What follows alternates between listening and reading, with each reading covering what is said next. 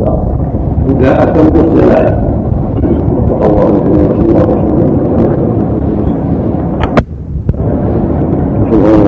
بسم الله الرحمن الرحيم. الحمد لله رب العالمين. والصلاة والسلام على نبينا محمد وعلى آله وصحبه أجمعين. أما بعد قال المؤلف رحمه الله تعالى كتاب أدب الطعام. باب التسمية في أوله والحمد في آخره. عن عمر بن أبي سلمة رضي الله عنهما قال قال لي رسول الله صلى الله عليه وسلم سم الله وكل بيمينك وكل مما يليك. متفق عليه. وعن عائشة رضي الله عنها قالت قال رسول الله صلى الله عليه وسلم إذا أكل أحدكم فليذكر اسم الله فليذكر اسم الله تعالى. فإن نسي أن يذكر اسم الله تعالى في أوله فليقل بسم الله أوله وآخره رواه أبو داود والترمذي وقال حديث حسن صحيح. وعن جابر رضي الله عنه قال سمعت رسول الله صلى الله عليه وسلم يقول إذا دخل الرجل بيته فذكر الله تعالى عند دخوله وعند طعامه. قال الشيطان لأصحابه لا مبيت لكم ولا عشاء. وإذا دخل فلم يذكر الله فلم يذكر الله تعالى عند دخوله. قال الشيطان أدركتم المبيت. وإذا لم يذكر الله تعالى عند طعامه قال أدركتم المبيت والعشاء. رواه مسلم. وعن حذيفة رضي الله عنه قال كنا إذا حضرنا مع رسول الله صلى الله عليه وسلم طعاما لم نضع أيدينا حتى يبدأ رسول الله صلى الله عليه وسلم ويضع يده وإنا حضرنا معه مرة طعاما فجاءت جارية كأنها تدفع فذهبت لتضع يدها في الطعام فأخذ رسول الله صلى الله عليه وسلم بيدها ثم جاء أعرابي كأنما يدفع فأخذ بيده. فقال رسول الله صلى الله عليه وسلم إن الشيطان يستحل الطعام أن لا يذكر اسم الله تعالى عليه وإنه جاء بهذه الجارية ليستحل بها فأخذت بيدها فجاء بهذا الأعرابي ليستحل به. فأخذت بيده والذي نفسي بيده إن يده في يدي مع يديهما. ثم ذكر اسم الله تعالى وأكل.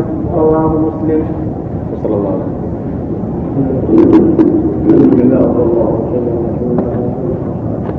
أما بعد هذه الأحاديث فيها بيان آداب الطعام.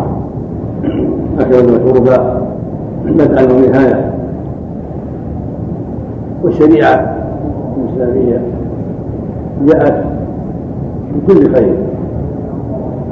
جاءت بالآداب في كل شيء. ودعت إلى مكارم الأخلاق ومحاسن الأعمال. وفيها آداب الطعام والشراب والوضوء والغسل والنوم واليقظة والشراب والإقامة وغير ذلك. كلها جاءت مبينة في الأحاديث الصحيحة.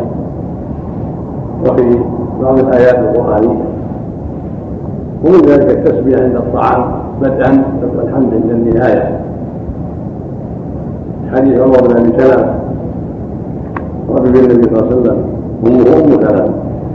قال قال النبي يا ولا سم الله وكل يمينه وكل مما يليه. كانت تطيش يده الصحله فاخذ من يده وقال سم بالله وكل بيمينه وكل مما يليه. هذه الآداب العظيمة. سم بالله يأكل بيمينه. يأكل مما يليه لا يذهب إلى ما يلي الناس. كذلك التسمية عند الأكل مثل ما حديث عائشة رضي الله عنها. الذي كان يأمر بالتسمية عند الطعام وبفتح الطعام. كل ذلك مما يحفظ به الطعام من مخالطة الشيطان. ويتأدب به مع الله عز وجل في البداء باسمه الذي من بالطعام وفضله سبحانه وتعالى. وهكذا جابر من الشيطان دخل الإنسان بيته ليلا فلم يسم بالله. قال أدركتم المبيت يقول لاصحابه الشياطين. فاذا لم يسم الله عند الاكل قال أدركتم المبيت والعشاء جميعا. فإذا فعل خلاف لا يسم الله عند دخوله قال ثابت المبيت وهكذا إذا لم يسم الله عند طعامه إذا ذكر الله عند طعامه وعند دخوله قال الشيطان لشياطين الآخرين لا تكن المبيت والعشاء. وإذا غفل قال أدركت المبيت والعشاء. فينبغي المؤمن أن يكون حريصا على ذكر الله وملازمته دخوله وخروجه قيامه وخروجه وسفره وإقامته وقتله ونومه لأنه يحصل له بذلك الخير والسلامة من الشر. وعند الفراغ يحمده الله جل عليه سبحانه وتعالى. حديث الصحيح إن الله لا يرضى أن يأكل الأكل فيحمده عليه. ويشرب الشرب فيحمده عليه. كذلك من الآداب الشرعية أنهم كانوا إذا كانوا مع النبي صلى الله عليه وسلم عند الطعام لا يضعون يدهم حتى يضع يده اذا يبدأون حتى يبدأ عليه الصلاة والسلام. وهذا هو الأدب. إذا كان الناس مع رئيس لهم لا يبدأون حتى يبدأ. وهو عليه الصلاة والسلام امامهم ورئيسهم ومقدمهم عليه الصلاة والسلام. يتأدبون ومن معه لا يبدأون حتى يبدأ.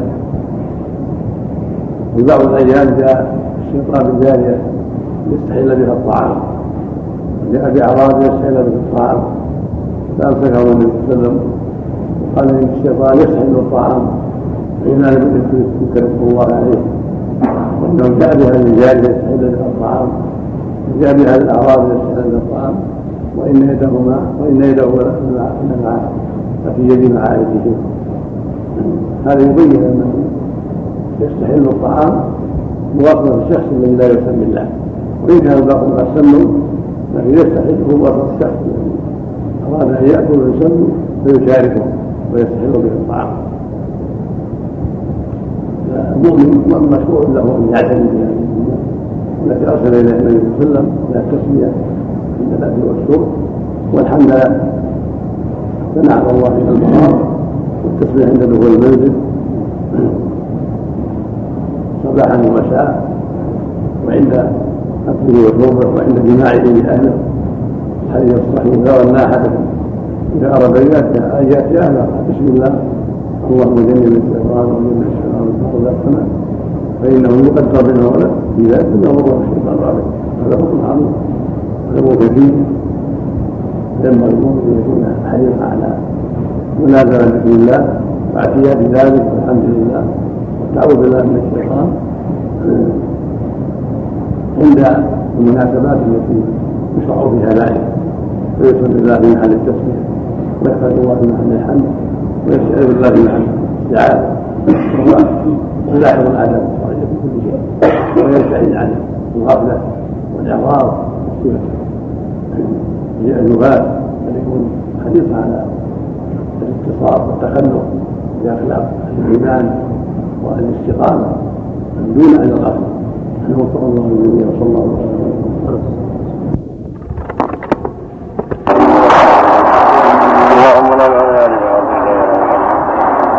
الله الرحمن الرحيم الحمد لله رب العالمين والصلاة والسلام على نبينا محمد وعلى آله وصحبه أجمعين أما بعد قال المؤلف رحمه الله تعالى في باب التسمية في أوله والحمد في آخره وعن أمية بن مخشي الصحابي رضي الله عنه قال كان رسول الله صلى الله عليه وسلم جالسا ورجل يأكل فلم يسم الله حتى لم يبق من طعامه إلا لقمة فلما رفعها إلى فيه قال بسم الله أوله وآخره.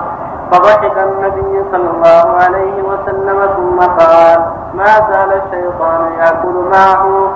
فلما ذكر اسم الله استقاء ما في بطنه، رواه ابو داود والنسائي.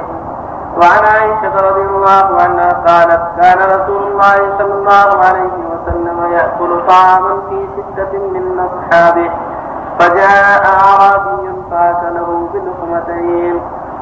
فقال رسول الله صلى الله عليه وسلم، أما إنه لو سمى لكفاكم رواه الترمذي. وقال حديث حسن صحيح. وعن أبي أمامة رضي الله عنه أن النبي صلى الله عليه وسلم كان إذا رفع كان إذا رفع مائدته قال الحمد لله كثيرا طيبا مباركا فيه. غير مكفي ولا مودع ولا مستغنى عنه ربنا. رواه البخاري. وعن معاذ بن أنس رضي الله عنه قال قال رسول الله صلى الله عليه وسلم من نكل طعاما فقال الحمد لله الذي يطعمني هذا ورزقني من غير حول مني ولا قوة غفر له ما تقدم من ذنبه. رواه أبو داود والترمذي وقال حديث حسن. الحمد لله. صلى الله وسلم على رسول اما بعد هذه الأحاديث. تدل على ما تقدم. من شرعيه التسميه في اول الطعام والحمد لله في آخره. قد عن عائشه رضي الله عنها صلى الله عليه وسلم أمر بالتسمية في اول الطعام فان نفسه فليقول في اخر لم يكن لا كتاب فليقول بسم الله اولا واحد هكذا الحديث؟ غير المشي ما يدل على رئيس التسمية في ولا كره في اثنائه بسم الله اولا واحد وأن الشيطان يكتب مع الإنسان يلمسا بالله ويشاركه في طعامه وغير ذلك. ليتم الله كان هذا فردا له في طعامه وشرابه وبيته ودمائه وغير ذلك ينبغي المؤمن ان يلاحظ ذلك كذلك من اعظم اسباب البركه تسبيح الطعام فانها لا في بركه ولهذا كان بعض الاعراب حضر مع النبي صلى الله عليه وسلم وعنده له طعام ياكله من اصحابه فاكله في نقطتين وزعم انه يسمى الله كفاه المقصود ان كسب من اسباب البركه وعدم كسب من اسباب الغنى وقد قال لعمر بن سلمه لعمر بن ابي سلمه لما كان صبيا طفيف يده في الصحبه قال يقول الحمد لله وكل يمينك وكل مما يليك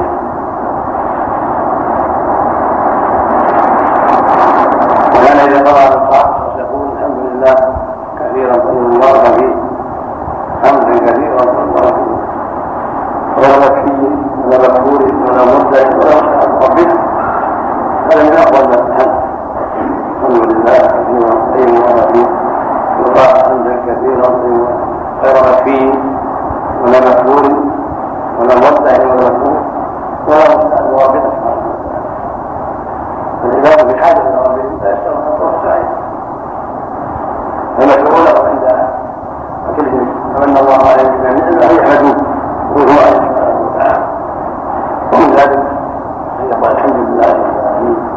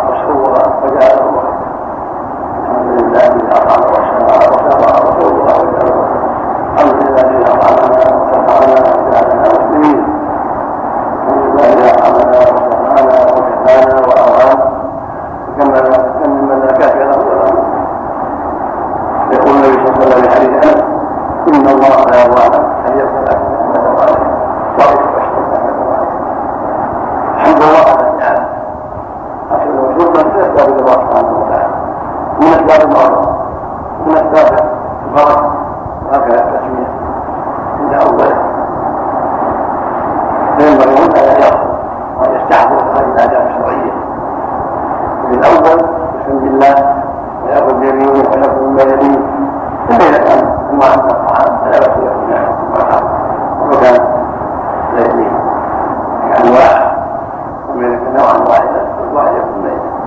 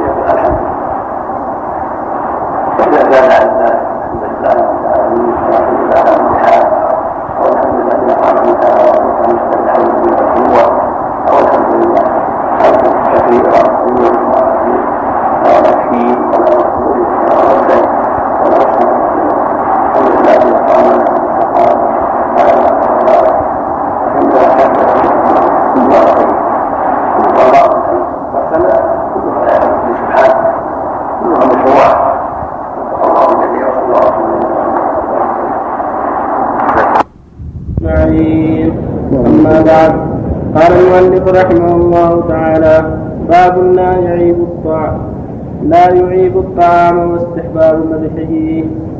عن أبي هريرة رضي الله عنه قال ما عاب رسول الله صلى الله عليه وسلم طعاما قط إن اشتهاه أكله وإن كرهه تركه. متفق عليه. وعن جابر رضي الله عنه أن النبي صلى الله عليه وسلم سأل أهله الأدمى فقالوا ما عندنا إلا خل.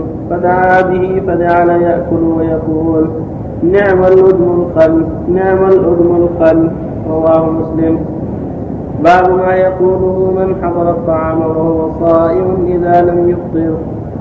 عن أبي هريرة رضي الله عنه قال قال رسول الله صلى الله عليه وسلم إذا دعي أحدكم فليجب فإن كان صائما فليصلي.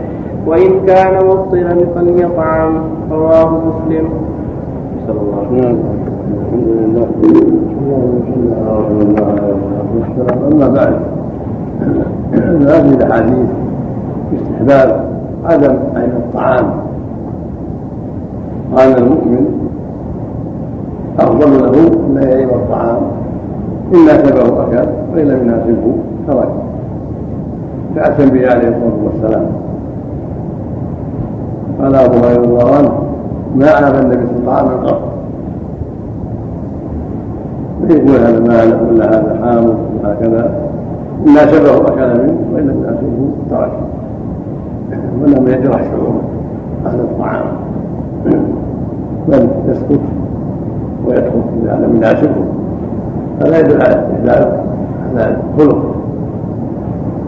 وأنه يسحب له ولا يعيبه وهذا محمول على إذا كان لنفسه أما إذا كان للضيوف ينبغي له أن يوصي الطباخين بالعناية بالطعام والإحسان إليه حتى لا يكون فيه عيب.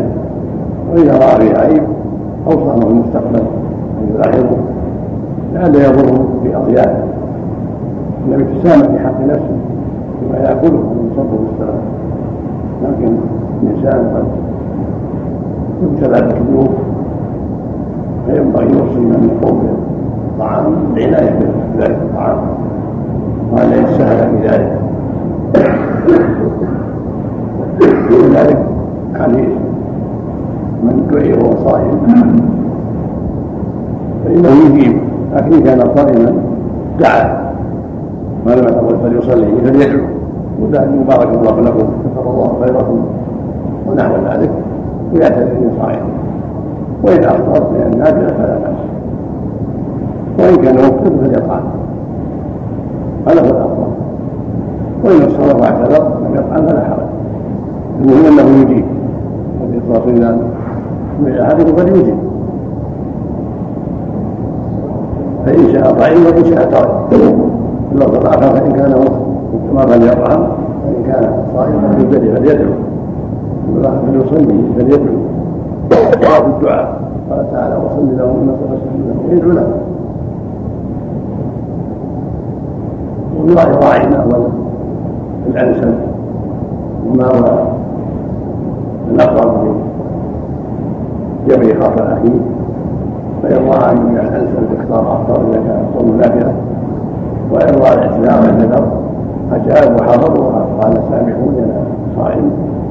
كثر الله خيركم وبارك فيكم وزاد الفضل ونحو ذلك الحديث الثالث حديث جابر حديث الخل نعم حديث كذلك حديث جابر طلب ايتاما فقال اهله ليس عنده الا الخل قال نعم الإدام الخل نعم الإدام الخل الخل هو حمر من الفواكه عنب من غيره تبع خلا وهو شيء يعتبر الفواكه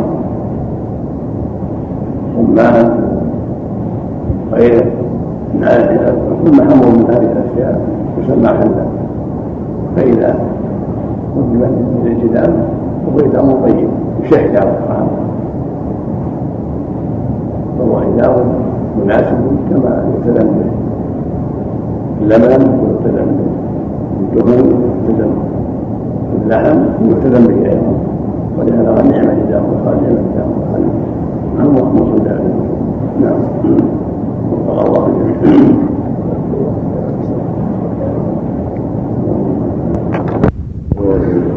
بسم الله الرحمن الرحيم. الحمد لله رب العالمين. والصلاة والسلام على نبينا محمد وعلى آله وصحبه أجمعين. أما بعد. قال المؤلف رحمه الله تعالى باب ما يقوله من دعي إلى طعام فتبعه غيره. عن أبي مسعود البدري رضي الله عنه قال دعا رجل النبي صلى الله عليه وسلم لطعام صنعه له خامس خمسة فتبعهم رجل فلما بلغ الباب قال النبي صلى الله عليه وسلم إن هذا تبعنا فإن شئت أن تأذن له وإن شئت رجعه قال بل آذن له يا رسول الله. متفق عليه. باب النقل مما يليه ووعظه وتديبه وتأديبه من يسيء أكله عن عن عمر عن عمر بن أبي سلمة رضي الله عنهما قال كنت غلاما في حجر رسول الله صلى الله عليه وسلم. وكانت يدي تطيش في الصحفه فقال لي رسول الله صلى الله عليه وسلم يا غلام سم الله تعالى وكل بيمينك وكل مما يليك. متفق عليه. وعن سلمة بن الأكوع رضي الله عنه أن رجلا نكل عند رسول الله صلى الله عليه وسلم بشماله فقال كل بيمينك. قال لا أستطيع. قال لا استطعت. لا استطعت ما منعه إلا الكبر فما رفعها إلى فيه. رواه مسلم. صلى الله عليه وسلم. أما بعد فهذه الأحاديث ثلاثة. الأول منها تتعلق بمن صحب مدعوبين محدودين. يعني المدعوين بعدد معين فإنه يستأذن له.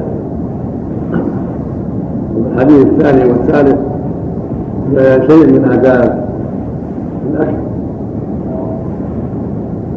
الحديث الأول أن النبي صلى الله عليه وسلم دعاه بعض الأصحاب خامسة خمسة إلى طعام فتبعه سادس فلما وصلوا إلى بيت الداعي قال له النبي صلى الله عليه وسلم إن هذا الرجل تبعنا فان شئت اذنت له وإن شئت منعت فقال بل آذن له يا رسول الله.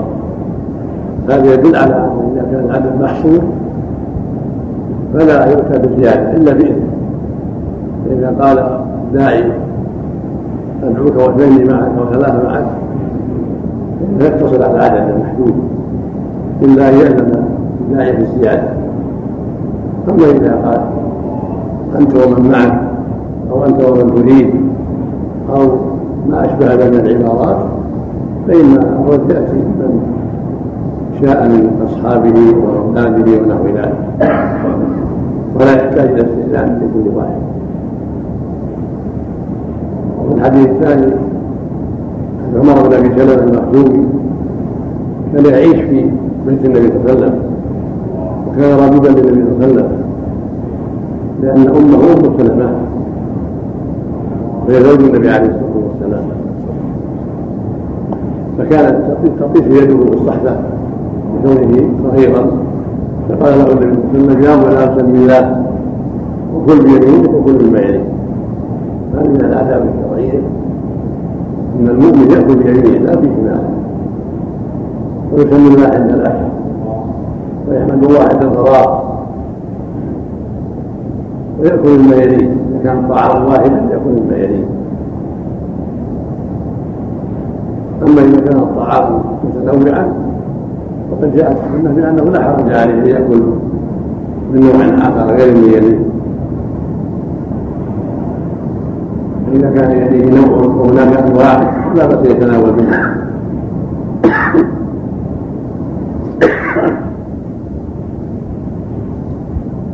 واليسار ليس محلا للاكل بل مقبول ولازاله الأوساخ لا للأكل والمصافحه ونحو ذلك. فاليمين للمصافحه والأكل والشرب والأخذ والعطاء ونحو ذلك مما هو مقصود. واليسار ما دون ما سوى ذلك من الأشياء المقبولة كالاستنجاء والمسح من الخلاء ونحو ذلك وإزالة الأذى والانتحار والانتحار ونحو ذلك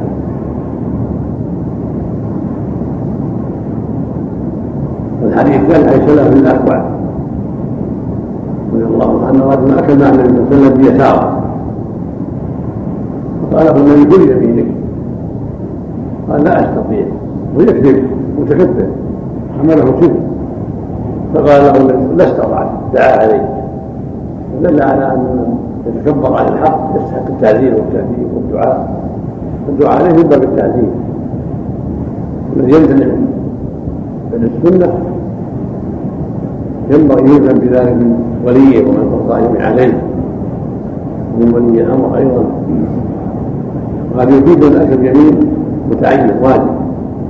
لا يجوز الاكل بالشمال إذا كان اليمين متعطله واليمين مقطوعة ومريضه فلا بأس.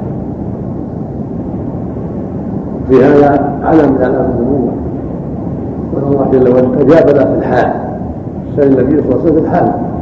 قال إذا استطعت فما رفعها إلى تعطلت كلها بسبب دعوة النبي صلى الله عليه وسلم عليه من منعه الشبه ودل ذلك على انه لا يجوز للمسلم ان يتكبر عن الاكل اليمين. كثير من الناس يتخذها قاعدة الآن توقعا وتقريبا لغيره. ياكل باليسار ويشرب باليسار ويخالف السنة. هذا على خطر من العهود ان يتكبر عن السنة وتعارض بنفسه وازدرى سنة النبي صلى الله عليه وسلم الواجب والحق. صدق الله جل التوفيق والهداية وصلى الله وسلم. بسم الله الرحمن الرحيم. الحمد لله رب العالمين. والصلاة والسلام على نبينا محمد وعلى آله وصحبه أجمعين. أما بعد قال المؤلف رحمه الله تعالى باب النهي عن القرآن بين التمرتين ونحوهما إذا أكل جماعة إلا بإذن رفقته عن جبلة بن سحيم قال أصابنا عام سنة مع ابن الزبير ورزقنا تمرا. وكان عبد الله بن عمر رضي الله عنهما يمر بنا ونحن ناكل فيقول لا تقارنوا فإن النبي صلى الله عليه وسلم نهى عن الإقران ثم يقول إلا أن يستأذن الرجل وقاه. متفق عليه. باب ما يقوله ويفعله من يأكل ولا يشبع. عن وحشي بن حرب رضي الله عنه أن أصحاب رسول الله صلى الله عليه وسلم قالوا يا رسول الله إنا ناكل ولا نشبع. قال فلعلكم تفترقون. قالوا نعم. قال فاجتمعوا على طعامكم واذكروا اسم الله يبارك لكم فيه. رواه أبو داود. باب النذر بالاكل من جانب القصعة والنهي عن الاكل من وسطها.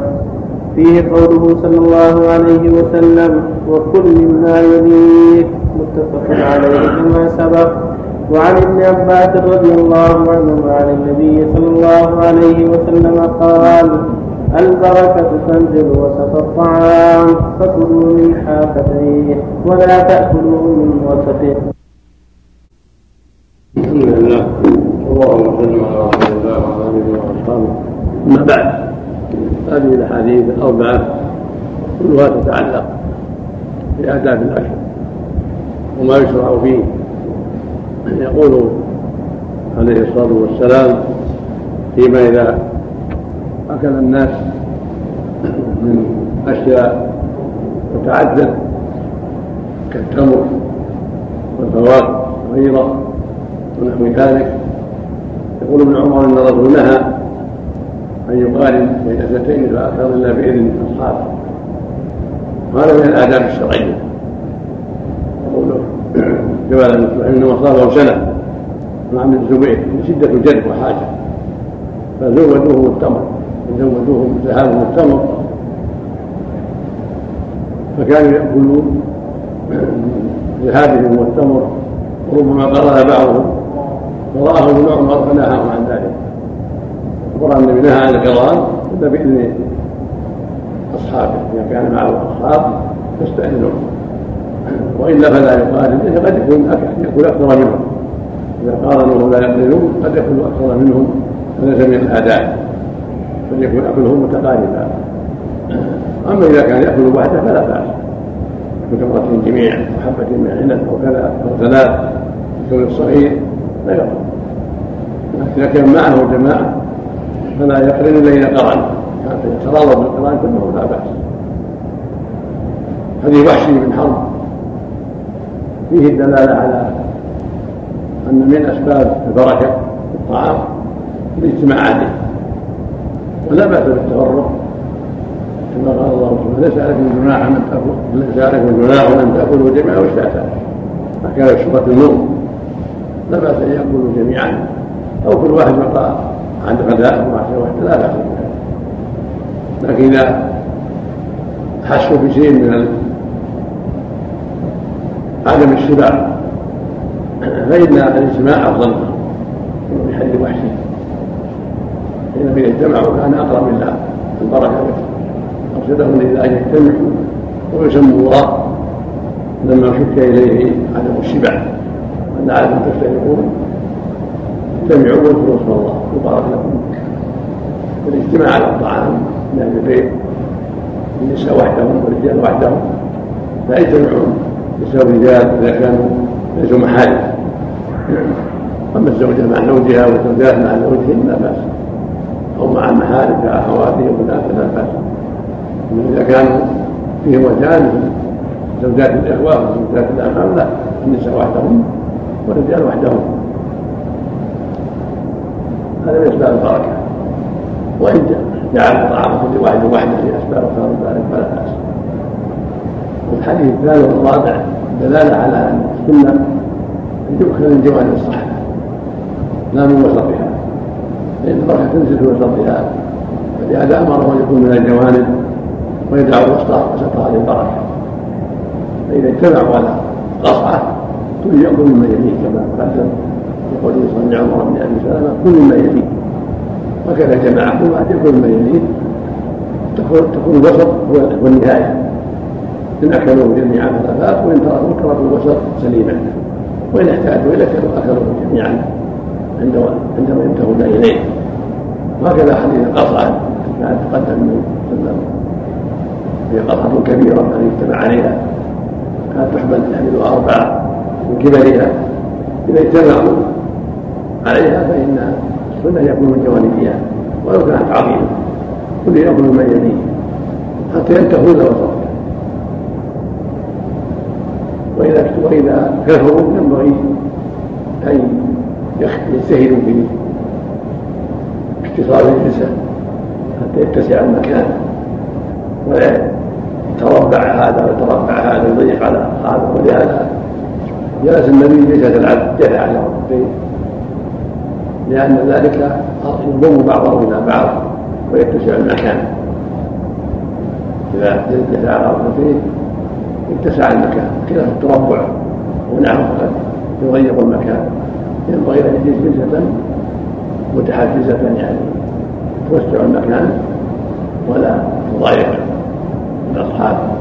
كل واحد يتهم الجلسة الخفيفة التي ليس فيها مضايقة ولا توسع. حتى يتسع المكان للعدد الكثير إذا دعت الحاجة إلى ذلك. وفق الله جميع وصلى الله وسلم.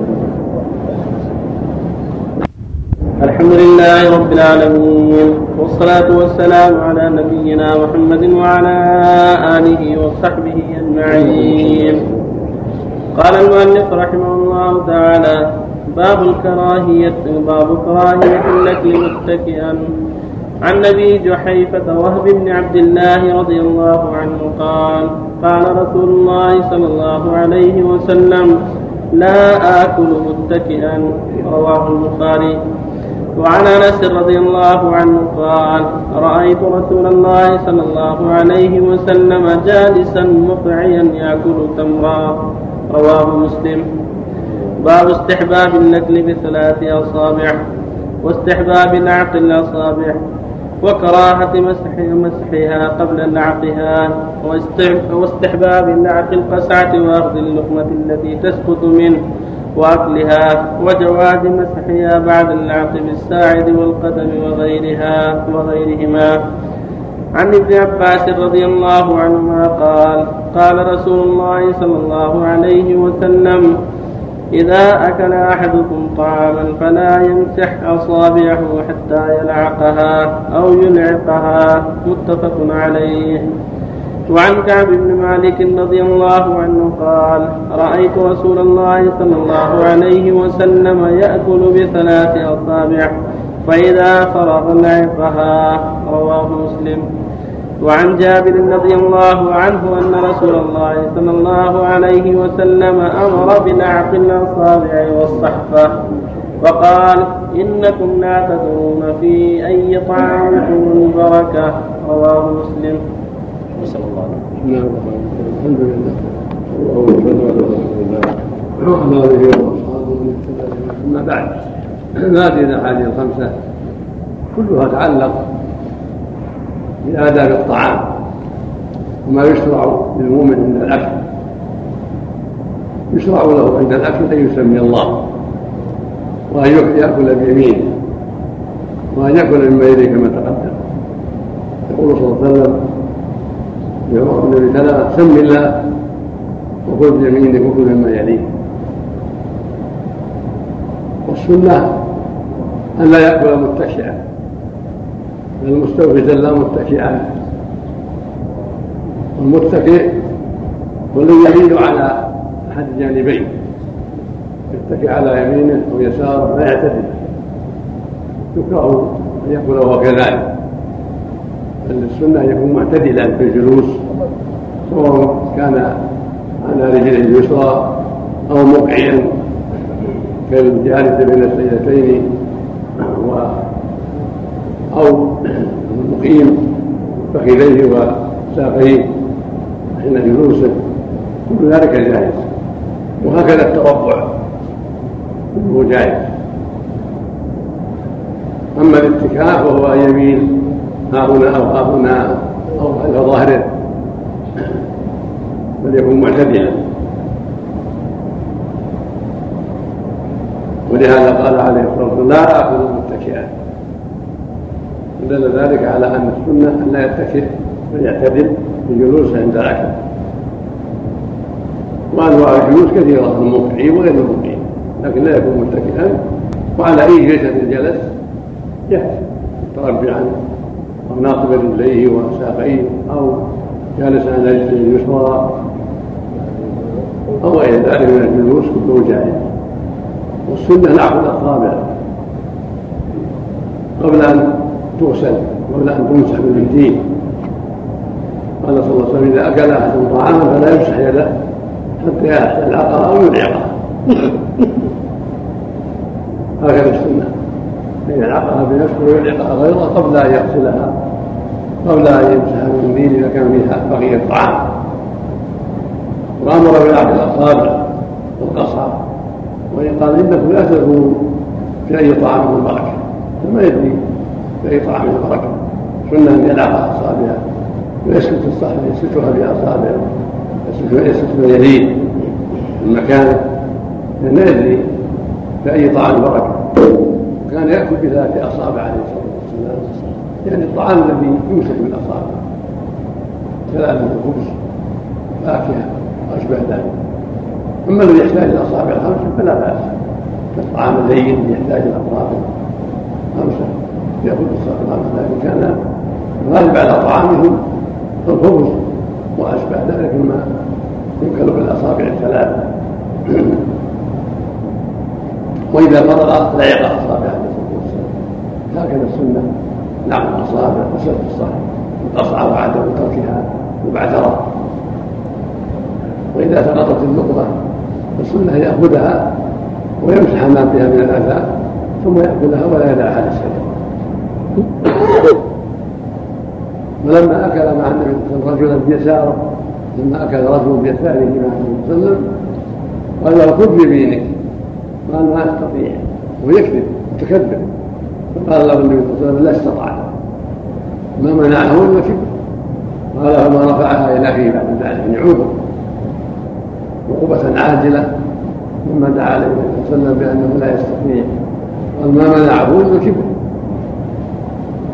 فهكذا المؤمن أن يحذر غضب الله ويتأدب بالآداب الشرعية في أكله وشربه ووضوئه وغسله وسائر أحواله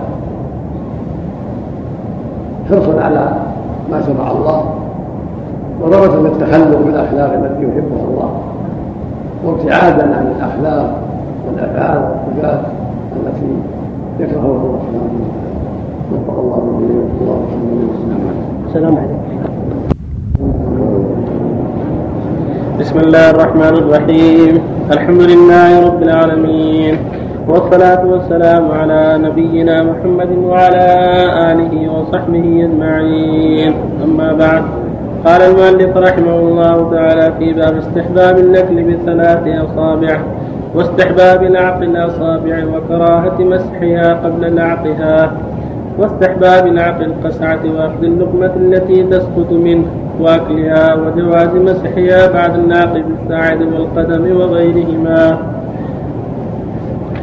وعن جابر رضي الله عنه أن رسول الله صلى الله عليه وسلم قال إذا وقعت لقمة أحدكم فليأخذها فليمط ما كان بها من أذى وليأكلها ولا يدعها للشيطان ولا يمسح يده بالمنديل حتى يلعق أصابعه. فإنه لا يدري في أي طعامه البركة. رواه مسلم. وعنه أن رسول الله صلى الله عليه وسلم قال إن الشيطان يحضر أحدكم عند كل شيء من شأنه حتى يحضره عند طعامه. فإذا سقطت لقمة أحدكم فليأخذها فليمط ما كان بها من أذى ثم ليأكلها ولا يدعها للشيطان. فإذا فرغ فليلعق أصابعه فإنه لا يدري في أي طعامه البركة رواه مسلم. وعن أنس رضي الله عنه قال كان رسول الله صلى الله عليه وسلم إذا أكل طعاما لعق أصابعه الثلاثة وقال إذا سقطت لقمة أحدكم فليأخذها وليمط عنها الأذى وليأكلها ولا يدعها لشيطان. وأمرنا أن نسلت القصعة وقال إنكم لا تدرون في أي طعامكم البركة رواه مسلم. وعن سعيد بن الحارث أنه سأل جابرا رضي الله عنه عن الوضوء مما مست النار فقال فقال لا قد كنا زمن النبي صلى الله عليه وسلم لا نجد مثل ذلك الطعام إلا قليلا. فإذا نحن وجدناه لم يكن لنا مناديل إلا أكفنا وسواعدنا وأقدامنا ثم نصلي ولا نتوضأ. رواه البخاري. وصلى الله على نبينا محمد. الحمد لله الله وسلم أما بعد هذه الأحاديث الأربعة كلها تتعلق باداب الطعام وما يشرع للمؤمن في اكله وشربه. سبق بعض الأحاديث بدلالة على شرعية بسم الله تسمية الله عند اول الاكل والشرب وان يأكل بيمينه ويشرب بيمينه كل هذا من آداب الأكل أن يسمي الله عند البدء. وأن يأكل بيمينه وأن يأكل مما يليه. وهكذا في الشرب يسمي الله ويشرب بيمينه سواء كان المشروب ماء أو لبن أو شاي أو قهوة أو غير ذلك ما يشرب يكون باليمين. والأكل يكون باليمين. وفي هذه الأحاديث دلالة على يشرع له أيضا أن يلعق أصابعه قبل أن يغسلها قبل أن يمسح بالمنديل يلعق بها ثم يمسح بالمنديل إذا شاء أو يغسلها بالماء فالنبي يلعق أصابعه إذا فرغ من طعام عليه الصلاة والسلام ويقول لا تدرون بأي طعام البركة واتقوا البركة في هذا الشيء اليسير وأمرهم أن يلعقوا الصحن يعني يسلكوا ما فيها. كل واحد يسلك ما حوله. حتى يكون محل أكله مضبوطا ليس فيه. عبث ولا تساهل بل يسلك ما حوله. وتقدم أن السنة ياكل القواعد من جوانب القاصره ولا ياكل من وسطها بل يأكلون من الجوانب ويدعون الوسط البركة. حتى يأتوا إليه عند الحاجة إلى أكله. يأكلون من الجوانب إلى أن يصلوا إلى وسطها فياكلوا ما بقي وفيه من الفوائد أنه إذا سقطت اللقمة السنة أنه يميت بها من الأذى ثم يأكلها. ولا يدعها للشيطان إذا سقط الإنسان من يده أخذ ما بها من الاذى من تراب أو أعواد أو غير ذلك ثم أكلها ولا يدعها للشيطان قال إن الشيطان يأخذ احدكم في كل شيء من شأنه حتى عند الطعام والشراب حتى ينسيه ما شرع الله حتى يوقعه فيما نهى الله عنه. السنة للمؤمن يسمي الله في أكله وشربه وعند نوم وأن يحذر وساوس الشيطان وطاعته فيما نهى الله عنه.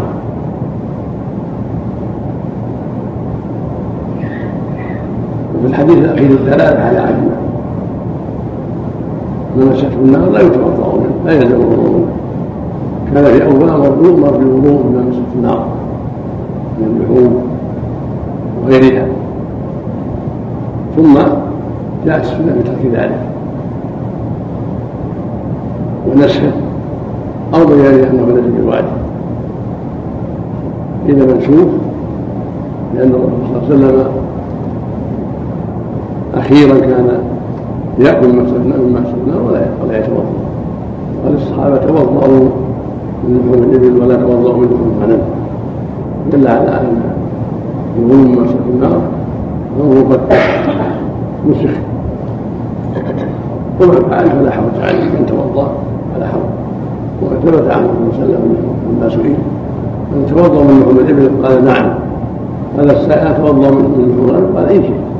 وجعل له خيارا. فدل على أن جميع اللحوم لا تنفي ما عدا لحم الإبل. ودل ذلك على أن ما مسته النار لا يضر الوضوء وأن الأمر بذلك نسخ أو أنه للنجم لا للوجود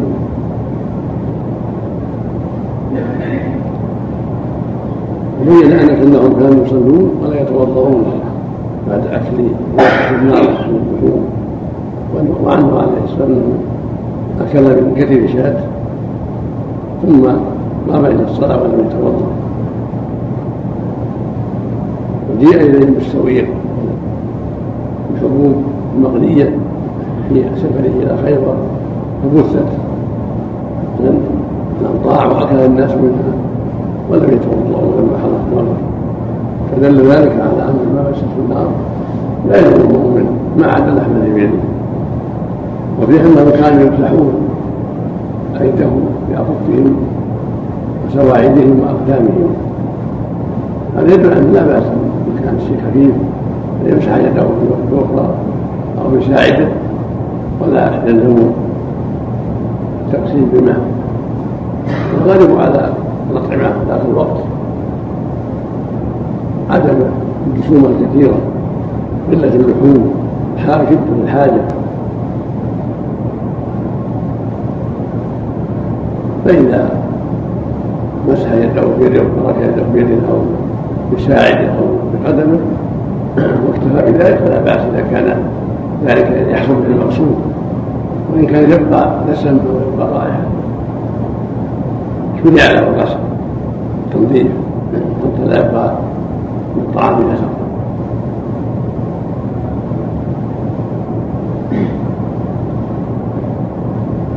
والمؤمن أعلم بنفسه. هذه أمور عادية طعام أمور عادية إذا رأى أن المقام لا يحتاج إلى غسل لقلة الدسم فلا بأس وإن رأى غسل الثولاء غسل يديه وتنظف لأنها أمور تختلف بحسب المأكول وفق الله الجميع وصلى الله وسلم بسم الله الرحمن الرحيم. الحمد لله رب العالمين. والصلاة والسلام على نبينا محمد وعلى آله وصحبه أجمعين. أما بعد قال المؤلف رحمه الله تعالى باب تكثير الأيدي على الطعام. عن أبي هريرة رضي الله عنه قال قال رسول الله صلى الله عليه وسلم طعام الاثنين كافي الثلاثة. وطعام الثلاثة كافي الأربعة متفق عليه. وعن جابر رضي الله عنه قال سمعت رسول الله صلى الله عليه وسلم يقول طعام الواحد يكفي الاثنين وطعام الاثنين يكفي الأربعة وطعام الأربعة يكفي الثمانية. رواه مسلم.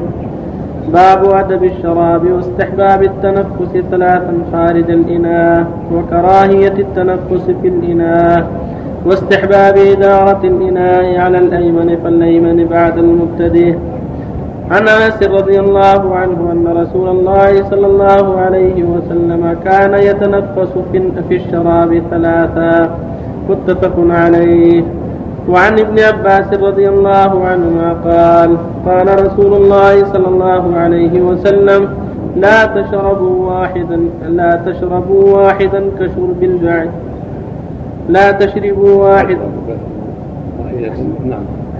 وعن لا تشربوا واحدا كشرب البعير ولكن اشربوا مثنى وثلاث. وسموا إذا أنتم شربتم واحمدوا إذا أنتم رفعتم. رواه الترمذي. صلى الله عليه وسلم. الحمد لله وصلى الله وسلم. على آله وأصحابه أما بعد هذه الأحاديث الأربعة كالتي قبلها. من الأحاديث في بيان آداب الأكل والشرب وما ينبغي للمؤمن في كيفية أكله وشربه. قد جد جملة الأحاديث تدل على شرعية تسوية الأكل والشرب الأكل والشرب باليمين والأكل مما يليه والأكل من حافات القصعة وعدم الأكل من وسطها والعقل الأصابع قبل غسلها بالماء قبل مسحها باليمين وسلة الصحفة وعدم تركها مبعثرة. تقدم أيضا شرعيا أخذ اللقمة إذا سقطت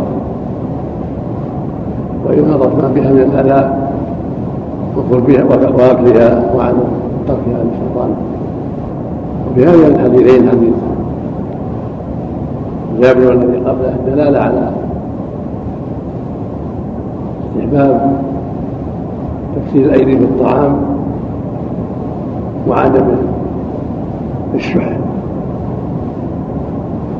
في ذلك يقول صلى الله عليه وسلم طعام الاثنين طعام واحد يكفي الاثنين وطعام الاثنين يكفي الثلاثه وطعام الثلاثة يكفي الاربعه الحديث الثاني طعام واحد يكفي الاثنين وطعام الاثنين يكفي الاربعه وأما أربعة يكون ثمانية. المعنى أن اشتراك الطعام المعدل اثنين يكفي أربعة. ومعدل أربعة يكفي ضعفهم ثمانية. وأن الله جل وعلا يبارك في ذلك. فينبغي ألا يشح المؤمن وألا يبخل وألا يسيء الظن.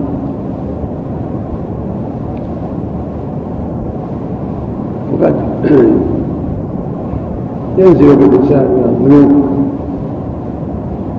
ما لم يخطر على باله وما لم يحصل له إعداد. مناسب له فلا يدع بل يقدم ما حصل. والله يريد البركة. في حديث وحشي بن حرب تقدم لما اشتكى بعض الصحابة إليه. يأكلون ولا يشبعون قال له صلى الله عليه وسلم لعلكم تفترقون اجتمعوا على طعامكم وبارك لكم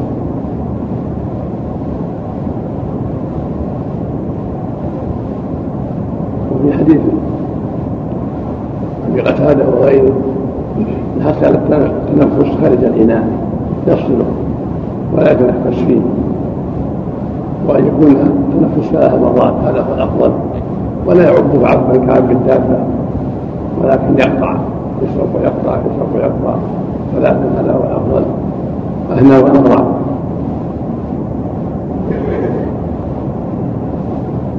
ابن عباس الدلالة على انه يسمي الله عند اكله وشربه. ويحمد الله عند النهاية. كل هذا من اداب الطعام والشراب وفي حديث انس يقول النبي صلى الله عليه وسلم إن الله يرضى عن العبد أن يأكل الأكل فيحمده عليها أو يشرب الشرب فيحمده عليها الله يقول جل وعلا لئن شكرتم لازدنكم ومن الشكر الثناء على الله في أكلك وشربك. وحمده سبحانه وذكر اسمه عند الابتداء. ومن الشكر الاستعانه بالنعم على طاعة الله. قولا وعملا ومن الشكر الاعتراف بالنعمة لله وانها منه فضل واحسان ومحبته على ذلك. ومن الشكر أن تصرف النعم لطاعة المنعم وترك معصيته سبحانه وتعالى. وذلك من أسباب المزيد منها مع جزيل الثواب. وفق الله الجميع وصلى الله وسلم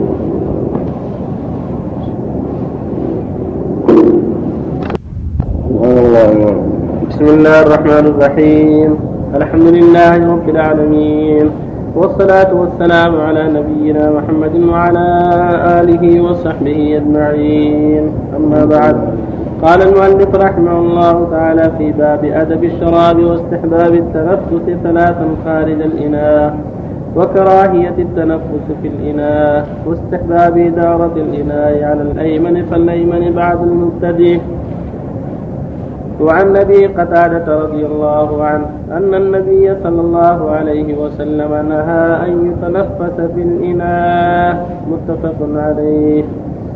وعن أنس رضي الله عنه أن رسول الله صلى الله عليه وسلم أتي بلبن قد شيب بماء. وعن يمينه أعرابي وعن يساره أبو بكر رضي الله عنه فشرب ثم أعطى الأعرابي وقال الأيمن فالأيمن متفق عليه. وعن سهل بن سعد رضي الله عنه أن رسول الله صلى الله عليه وسلم أتي بشراب فشرب منه وعن يمينه غلام وعن يساره يشياخ فقال للغلام أتأذن لي أن, أن أعطي هؤلاء؟ فقال الغلام لا والله لا أوثر بنصيبي منك أحدا. فتله رسول الله صلى الله عليه وسلم في يده. متفق عليه. وصلى الله الرحمن الرحيم. صلى الله وسلم. على رسول الله ومن اهتدى بهدى أما بعد هذه الاحاديث الثلاثه في آداب الشراب. سبق أحاديث كثيرة عن النبي عليه الصلاة والسلام في آداب الطعام وآداب الشراب. وما ينبغي المؤمن في أكله وشربه أنه يستحب له يشرع له يسمي الله أول الطعام وأن يأكل بيمينه وأن يحمد الله في آخره. وألا يتنفس في الإناء وأن يكون التنفس ثلاث مرات مع فصل الإناء. يفصله ويتنفس